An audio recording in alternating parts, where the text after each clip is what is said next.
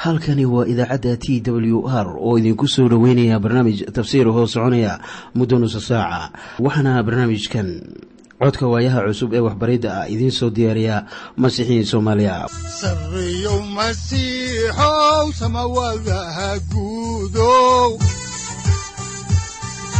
Siraadkii adduunkow subanaha eebow sareyow masiixow samawadaha guudow siraadkii adduunkow subanaha eebow adigoo samaada jiro ifkaan soo saldhiganba adigoo samaada jiro ifkaan soo saldhiganba kutubtiisanaye udanogu saaciiday sharxin sifahaaga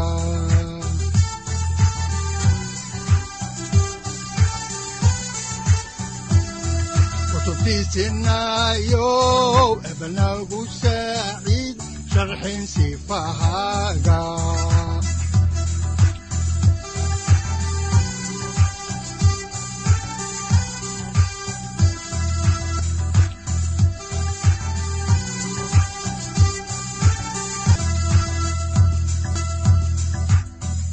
ku soo dhowaada dhegaystayaal barnaamijkeenna dhammaantiinba.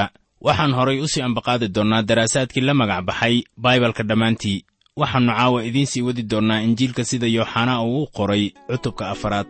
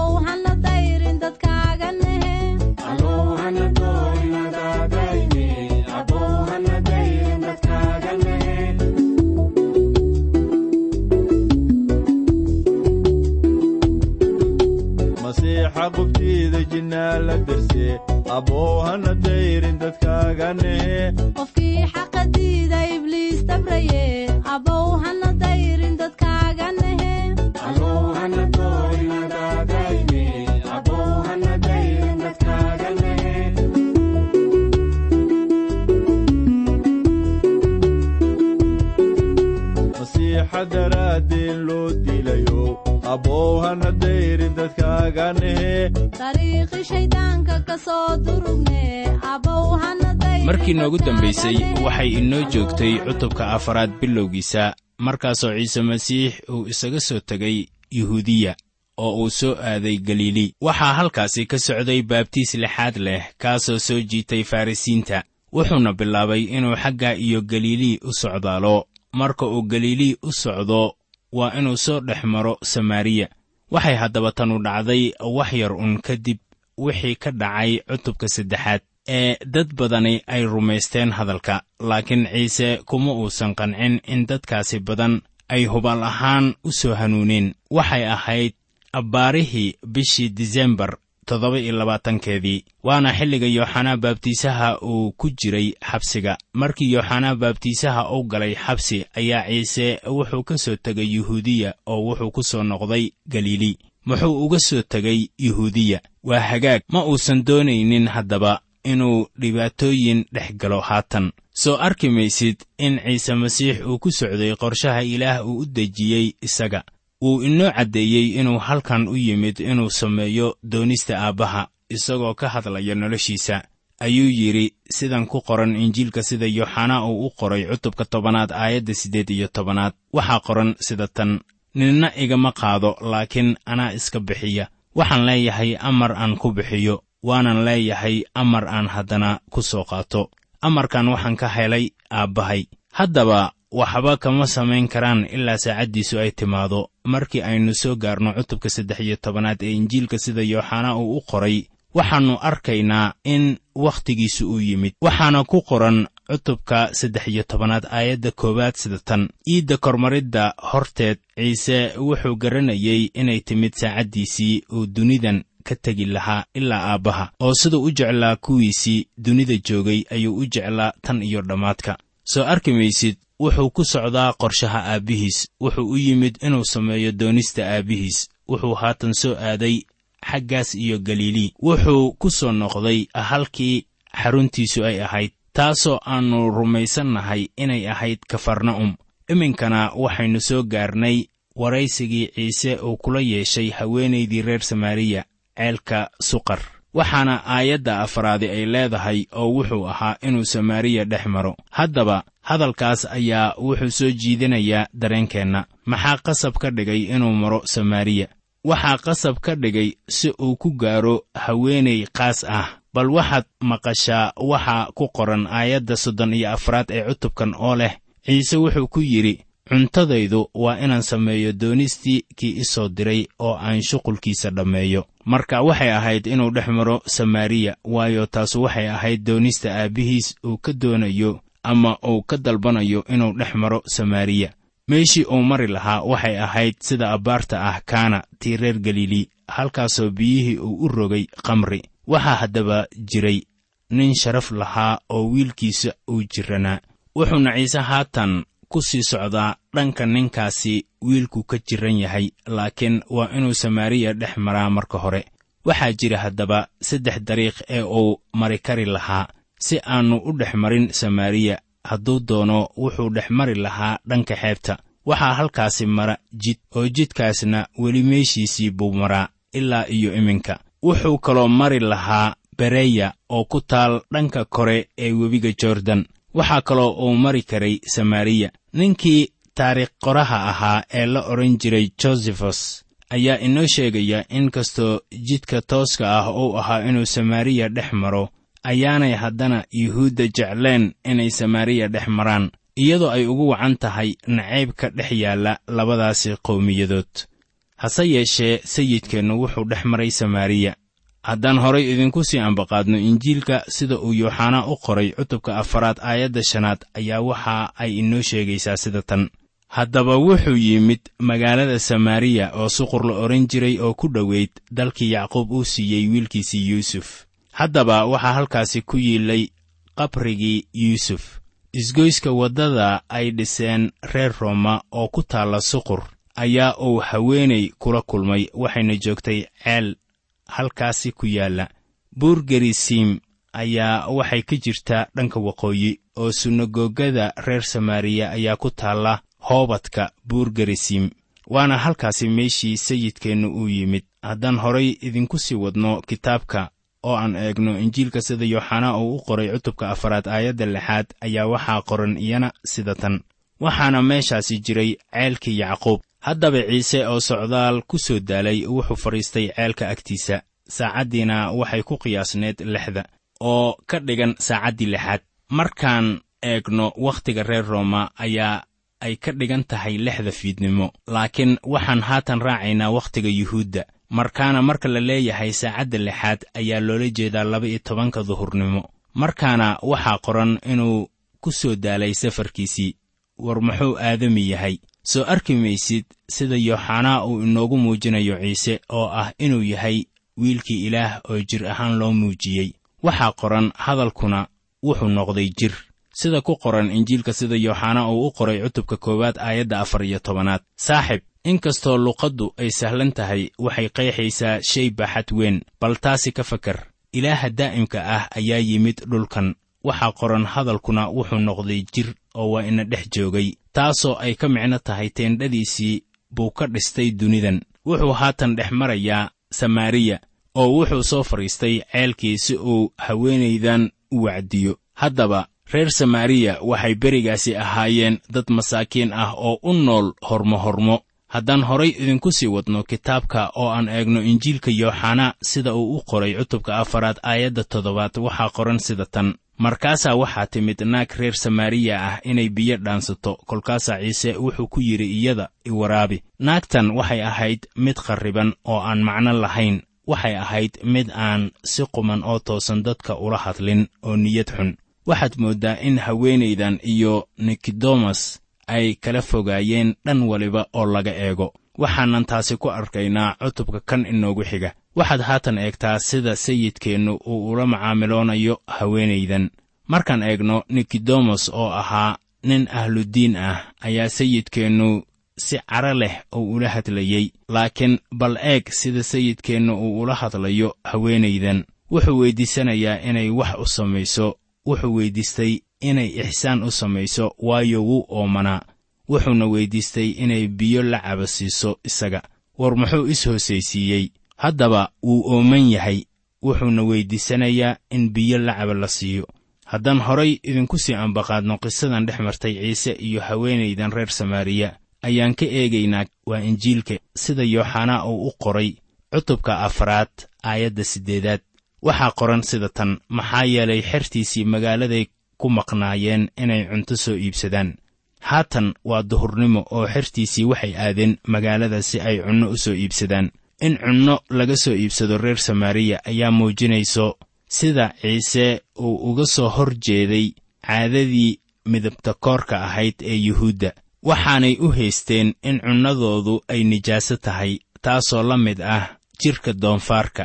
Injiilka sida yooxanaa uu u qoray cutubka afaraad aayadda sagaalaad ayaa waxaa qoran sida tan naagtii reer samaariya ahayd waxay haddaba ku tidhi isaga sidee baad adigoo yuhuudi ah biyo ii weyddiisanaysaa anigoo naag reer samaariya ah waayo dan iskuma leh yuhuudda iyo reer samaariya. Laba goor bay diidday codsigiisii halkan waxay u muuqataa inay tahay naag aan fikir lahayn oo balaayo ay ku dhacday. Waxay haatan daboolka ka qaadaysaa sida ay labadan qowmiyadood u kala duwan yihiin. Waxaa la yidhi reer samaariya wax way ka iibsan karaan yuhuudda laakiin isku meel wax kama cabaan. Bal eeg waxa sayidkeennu halkan uu ka sameeyo uu is hoosaysiinayaa wuxuuna ula macaamiloonayaa si xirfadaysan oo naxariisi ay ka muuqato. Laakiin welibana wuxuu ula hadlayaa si aan jilicsanayn balse aaminnimo iyo daacadi ay ku dheehan tahay. Halkan naagtan kula hadli maayo hadallo xikaayadaysan wuxuuse ula hadlayaa sida xog ogaalnimada haweenku ay tahay markaasuu ku abuuray xiisad iyo harraad. Haddaan horay idinku sii wadno ayaa waxaa ku qoran aayadda tobanaad sida tan. Ciise waa u jawaabay oo uu ku yidhi iyada haddaad garanaysid hadiyaddii ilaah iyo ku yahay kan kugu leh iwaraabi adigu waad weyddiisan lahayd isaga oo wuxuu ku siin lahaa biyaha nool.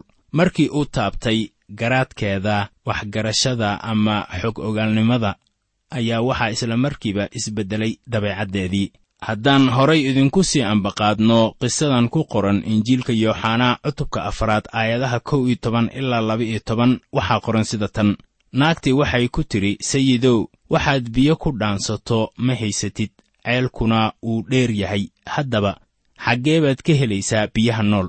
Miyaad ka weyn tahay awoowahayagii yacquub oo ceelka na siiyey oo isaga qudhiisa ka cabay iyo wiilashiisii iyo xoolihiisuba. Waxay naagtanu haatan ugu yeedraysaa ciise mudane taasoo markii ugu horraysay ay ilowday ama ayan isticmaalin. Markaas waxay ahayd mid xanaaq iyo cadho ay ka muuqato. Arrinka isbeddelka keenay ayaa u muuqday inuu yahay xagga muuqaalka. Fikirradeedu ma ahan kuwa sare waxaase ogaataa inay sheegatay ama ku abtirsatay yacquub. Waxay tan u samaysay iyadoo dan ka leh maadaama ay reer samaariya ahaayeen kuwa ka soo farcamay nebi yacquub. Balse ay isguursadeen reer suuriya markii reer banu israa'iil ay maxaabiis ahaanta u joogeen waddanka baabiloon haddaan horay idinku sii wadno injiilka oo aan eegno aayadaha saddex iyo toban ilaa afar iyo toban ee cutubka afaraad waxaa qoran sida tan ciise ayaa u jawaabay oo ku yidhi iyada kii kasta oo biyahan ka cabaa mar kale wuu harraadi doonaa laakiin ku alla kii caba biyahan siin doono weligiis ma harraadi doono laakiin biyahan siin doono waxay gudihiisa ku noqon doonaan il biyo ay ka duulaan tan iyo nolosha weligeed ah. Haddaba halkan ciise wuxuu u caddeeyey inaannu kala hadlaynin biyaha ceelkan yacquub balse uu u soo qaadanayo bilcagsi. Soo arki maysid maanta dad badan ayaa biyo ka caba ceelasha iyadoo doonaya inay harraad baxaan laakiin waxay si joogto ah u raadinayaan inay helaan qanacsanaanta jidhka mase doonayaan ama raadinayaan ku qanacsanaanta ruuxa. Hase yeeshee ciise masiix wuxuu naagta niyaddeeda ku beeray kalgacayl ay ku doonayso biyaha ruuxa haddaan horay idinku sii wadno ayaa waxaa ku qoran injiilkan sida yooxanaa uu u qoray cutubka afaraad aayadda shan iyo tobanaad sida tan. Naagtii waxay ku tidhi sayidow biyahan isii inaan haddana harraadin oo aan halkan imaanin inaan ka dhaansado. Waxay haddaba naagtanu caddaysay inay u baahan tahay biyaha ruuxa laakiin fikirkeedu wuxuu dib ugu noqday ceelkii. Weli fari kama qodna oo waxaan eegaynaa aayadda lix iyo tobanaad waxaana qoran sida tan markaasaa ciise wuxuu ku yidhi tag oo ninkaagii u soo yeer oo halkan kaalay. Haddaba tanu waxay ku noqotay dhimbil dab ah. In kastoo qof waliba biyo loo helayo waxaa haddana jira shuruud ay tahay in la fuliyo. Waxaanay shuruuddu tahay oon ama in baahi oon ahi ay jirto. Markaana waa inay aqoonsataa inay tahay haweenay dembiile ah markaana sayidkeennu wuxuu ku leeyahay iyada tag oo ninkaagii u soo yeer oo halkan kaalaya. Haddaba taasu waa maaddo gubaysa naagtan. Mar kale ayay haddana taasi jawaab kale ka keentay. Waxaanay tidhi sida ku qoran injiilka sida yooxanaa uu u qoray aayadaha toddoba iyo toban ilaa siddeed iyo toban ee cutubka afaraad iyadoo ay inoo sheegayaan aayadahaasi sida tan. Naagtii ayaa u jawaabtay oo ku tidhi nin ma lihi. Ciise wuxuu ku yidhi run baad ku hadashay nin ma lihid waayo shan nin baad lahayd. Kan aad haddeer haysatidna ninkaagii ma aha. Taas run baad ku sheegtay. Waxay lahayd shan nin oo ma lahayn hal nin oo qura. Waxay haatan la noolayd nin aan iyada qabin oo macaasib bay ku jirtay. Haddaba sayidkeennu wuxuu dadka u imaanayaa ka doonayaa inay marka hore wax ka qabtaan dembiga noloshooda. Haddaba sir waliba ee qarsoon waa in loo muujiyaa sayidka oo aan waxba laga qarin marka aad dembiyadiinna qiranaysaan. Waxaa haddaba halkan jooga haweenay dembiile ah mid ka mid ah sababaha keenay inaanay naagaha magaalada aqoonin iyada ayaa waxaa keentay inay wada garanaysay ragga magaalada. Markii uu sidaas ku yidhi ayay haweenaydii aad u baqday laakiin waxay doonaysay inay maaddada beddesho oo ay furto muran diini ah laakiin aynu qisada halkeedii idinka sii wadno oo aan eegno aayadaha xiga ee sagaal iyo toban ilaa labaatan.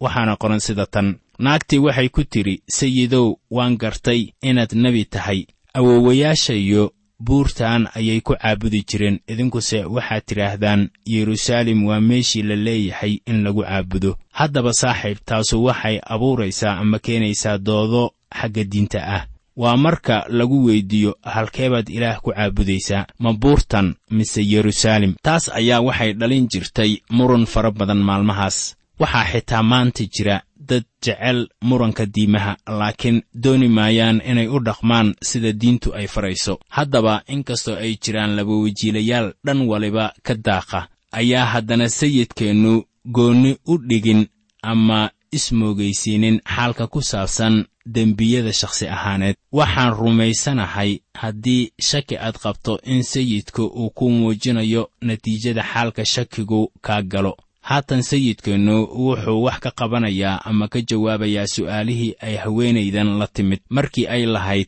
awowayaashayo buurtan ayay ku caabudi jireen. Idinkuse waxaad tidhaahdaan yeruusaalem waa meeshii la leeyahay in lagu caabudo. Wuxuuna haatan leeyahay isagoo taasi uga jawaabaya sida ku qoran injiilka sida yooxanaa uu u qoray cutubka afaraad aayadaha kow iyo labaatan ilaa laba iyo labaatan waxaana qoran sida tan. Markaasaa ciise wuxuu ku yidhi naag yahay irumee saacaddu waa imaanaysaa markii aydnaan aabbaha ku caabudi doonin ama buurtan ama yeruusaalem midnaba. Idinku waxaad caabuddaan waxaydnaan aqoon annaguse waxaannu caabudnaa waxaannu naqaan waayo badbaadintu waxay ka timaadaa yuhuudda. Tan muhiimka u ahayd naagtan oo ay doonaysay inay wax ka ogaato waxay ahayd inay buurtan reer samaariya ilaah ku caabuddo iyo inay yeruusaalem wax ku caabuddo ciise wuxuu ku yidhi maalinta way imaanaysaa marka aydnaan labadaasi meelba wax ku caabudaynin. Maxaa haddaba sabab u ah taas? Bal aan horay idinku sii wado injiilka oo aan eego sida yooxanaa uu u qoray cutubka afaraad aayadaha saddex iyo labaatan ilaa afar iyo labaatan waxaana qoran sida tan. Laakiin saacaddii baa imaanaysa waana joogtaa iminkada. Markii caabudayaasha runta ahi ay aabbaha ku caabudi doonaan ruuxa iyo runta waayo aabbuhu wuxuu doonayaa caabudayaashaas oo kale. Ilaah waa ruux kuwa caabudaa isagana waa inay ku caabudaan ruuxa iyo runta. Haddaba micno yeelan mayso meesha aad ilaah ku caabuddo. Ma ahan meesha aad ku caabudayso waxa muhiimka ah. Haddaba sayidkeennu si micno leh oo kaafisa su'aasheeda buu ugu jawaabay. Ilaah waa ruux. Haddaba ma ahan inaad hadba meel su'aalo ka keento. Caabudayaasha rasmiga ahi waxay ilaah ku caabudaan ruuxa iyo runta. Haddaan horay idinku sii wadno kitaabka oo aan eego cutubka afaraad aayadda shan iyo labaatanaad waxaa qoran sida tan. Naagtii waxay ku tidhi waan ogahay masiixu inuu imaanayo kan kristos la yidhaahdo oo markuu yimaado wax walba ayuu noo sheegi doonaa. Waxaa la yaab leh in xitaa reer samaariya ay dhowrayaan imaanshihiisa taasina waa umuur xiise leh. Maanta imaatinka labaad ee masiixa ayaa waxaa rumaysan oo jecel kuwo masiixiyiin ah. Haddaba kuwa aan isaga raacsanayn baa waxay taasi ka qabaan dareen ah inuu imaanayo inkastoo ay leeyihiin ma rumaysnin imaatinkiisa. Ayaa haddana waxaa jira cabsi iyo welwel ay ka qabaan imaatinkiisa. Nin ka mid ah qolyaha ilxaadka ah ayaa mar waxaa laga qoray inuu yidhi waxa ka welweliya inuu yahay in baibalku uu run yahay uu ciise imaan doono. Ninkanuna wuxuu rumaysnaa haddii ciise u yimaado in balaayo ay ku dhacayso. Waxaan ku leeyahay ninkan dhib baa haystay haddaba naagtii reer samaariya xiisad hor leh baa gashay waxayna haatan la timid niyad dabacsan. Haddaan horay idinku sii wado qisada ayaannu eegaynaa injiilka sida yooxanaa uu u qoray cutubka afaraad waxaanan mar kale idinku celinayaa aayadda shan iyo labaatanaad oo aannu daba dhigayno tan lix iyo labaatanaad. Waxaana qoran sida tan. Naagtii waxay ku tidhi waa ogahay masiixu inuu imaanayo kan kristos la yidhaahdo oo markuu yimaado wax walba ayuu noo sheegi doonaa. Markaasaa ciise wuxuu ku yidhi anigoo kula hadlaya ayaa ah isaga. War maxaa hadal cajiib ah lagula hadlay markii lagu yidhi anigoo kula hadlaya ayaa ah isagii naagtan waxay hor joogtaa badbaadiyaha dunida oo ah masiixa saaxib. Tan waa su'aal u taalla aniga iyo adiga. Maanta inaan hor nimaadno sayidka iyo in kale waxaanse ku leeyahay naagtanu waxay hor joogtaa maadaama ciise halkan uu ku leeyahay aniga kula hadlaya ayaa ah isaga isagii qudhiisa. Haddaan horay idinku sii wadno ayaa waxaa haatan aan eegaynaa injiilka siduu yooxanaa u qoray aayadaha toddoba iyo labaatan ilaa sagaal iyo labaatan waxaana qoran sida tan. Isla markii waxaa timid xertiisii wayna la yaabeen markay arkeen inuu naag la hadlayo. Weliba ninna ma odhan maxaad doonaysaa amase maxaad ula hadlaysaa iyada? Sidaa aawadeed naagtii ayaa ashuunkeedii ka tagtay oo magaaladay u baxday oo waxay ku tidhi dadkii kaalaya oo arka ninkii ii sheegay wax walba oo aan sameeyey.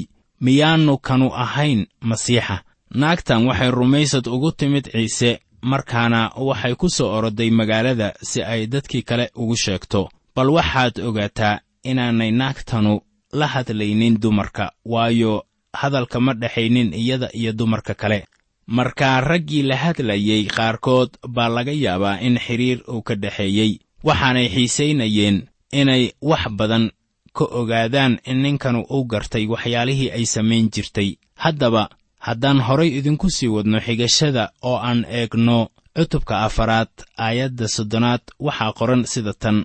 Markaasay magaaladii ka soo baxeen wayna u imaanayeen isagii nimankii magaalada way u yimaadeen iyadoo ay ugu wacan tahay markhaati furka ay bixinayso. Markaana inay dad kale la qaybsato hadalkii sayidka ayaa ka markhaati kacaysa rumaysadkeeda. Haddaan horay idinku sii ambaqaadno injiilka yooxanaa cutubka afaraad aayadaha kow iyo soddon ilaa afar iyo soddon waxaa qoran sida tan. Kolkaasay xertiisii baryeen iyagoo leh macallimow wax cun laakiin wuxuu iyagii ku yidhi anigu waxaan haystaa cunto aan cuno oo aydnaan ogeyn.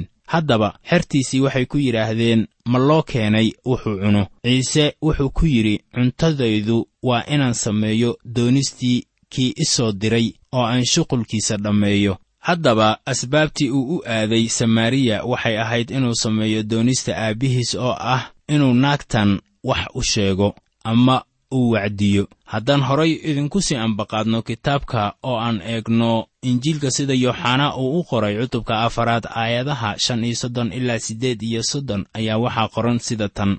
Miyeednan odhanin waxaa weli hadhay afar bilood oo markaas ayaa beerta la goynayaa. Bal eega waxaan idin leeyahay indhihiinna kor u qaada oo daya beeraha inay u cad yihiin beergoyska kii gooyaa mushaaruu helaa wuxuuna midho u ururiyaa nolosha weligeed ah. Inay kii beera iyo kii gooyaaba isla farxaan. Hadalku waa ku runkan. Mid baa beera mid kalena waa gooyaa waxaan idin diray inaad goysaan wixii aydnaan ku hawshoon. Kuwo kale baa hawshooday. Hawshoodiina waa gasheen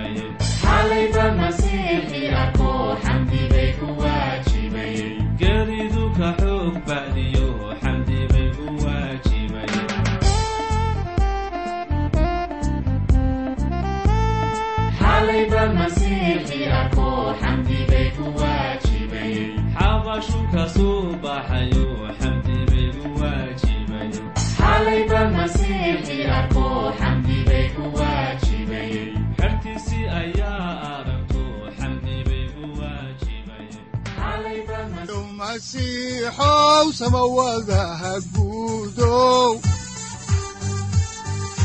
siraadkii adduunkow subanaha eebow adigoo samada jiro ifkan soo saldhiganba adigoo samada jiro ifkan soo saldhiganba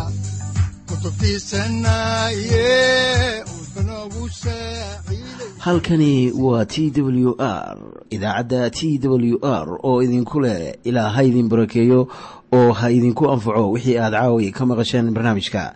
Waxaa barnaamijkan oo kalea aad ka maqli doontaan habeen dambe hadahan oo kale haddiise aad doonaysaan in aad fikirkiina ka dhiibataan wixii aad caawi maqasheen ayaad nagala soo xiriiri kartaan som t w r at t w r c o k e haddii aad doonaysaan in aad dejisataan oo kaydsataan barnaamijka ama aad mar kale dhegaysataan fadlan mar kale booqo www t w r o r g amase www t t b t w r o r g. Amase waxaad teleefoonkaaga ku kaydsataa ama ku download garaysataa agabyada ku sahli karaa dhegeysiga t w r haddii aad doonayso in laga kaalmeeyo dhinacyada fahamka kitaabka amase aad u baahan tahay duco fadlan fariimahaaga soo mari bogga aaraahda ama kommentska inana jawaab degdeg ah ayaanu ku soo diri doonaa amase ku siin doonaaye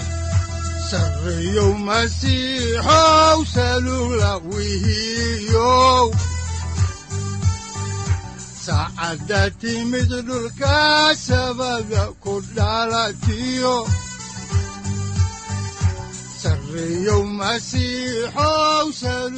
halkani waa t w r oo idiin rajaynaya habeen baraare iyo barwaaqaba leh. Inta aynu ka gaari doono wakhti aynu ku kulanno barnaamij la mida kan caawayay aad maqasheen. Waxa aan idinku leeyahay nabadda ciise masiix ha idinku badato xagga jidhka iyo ruuxaba. Aamiin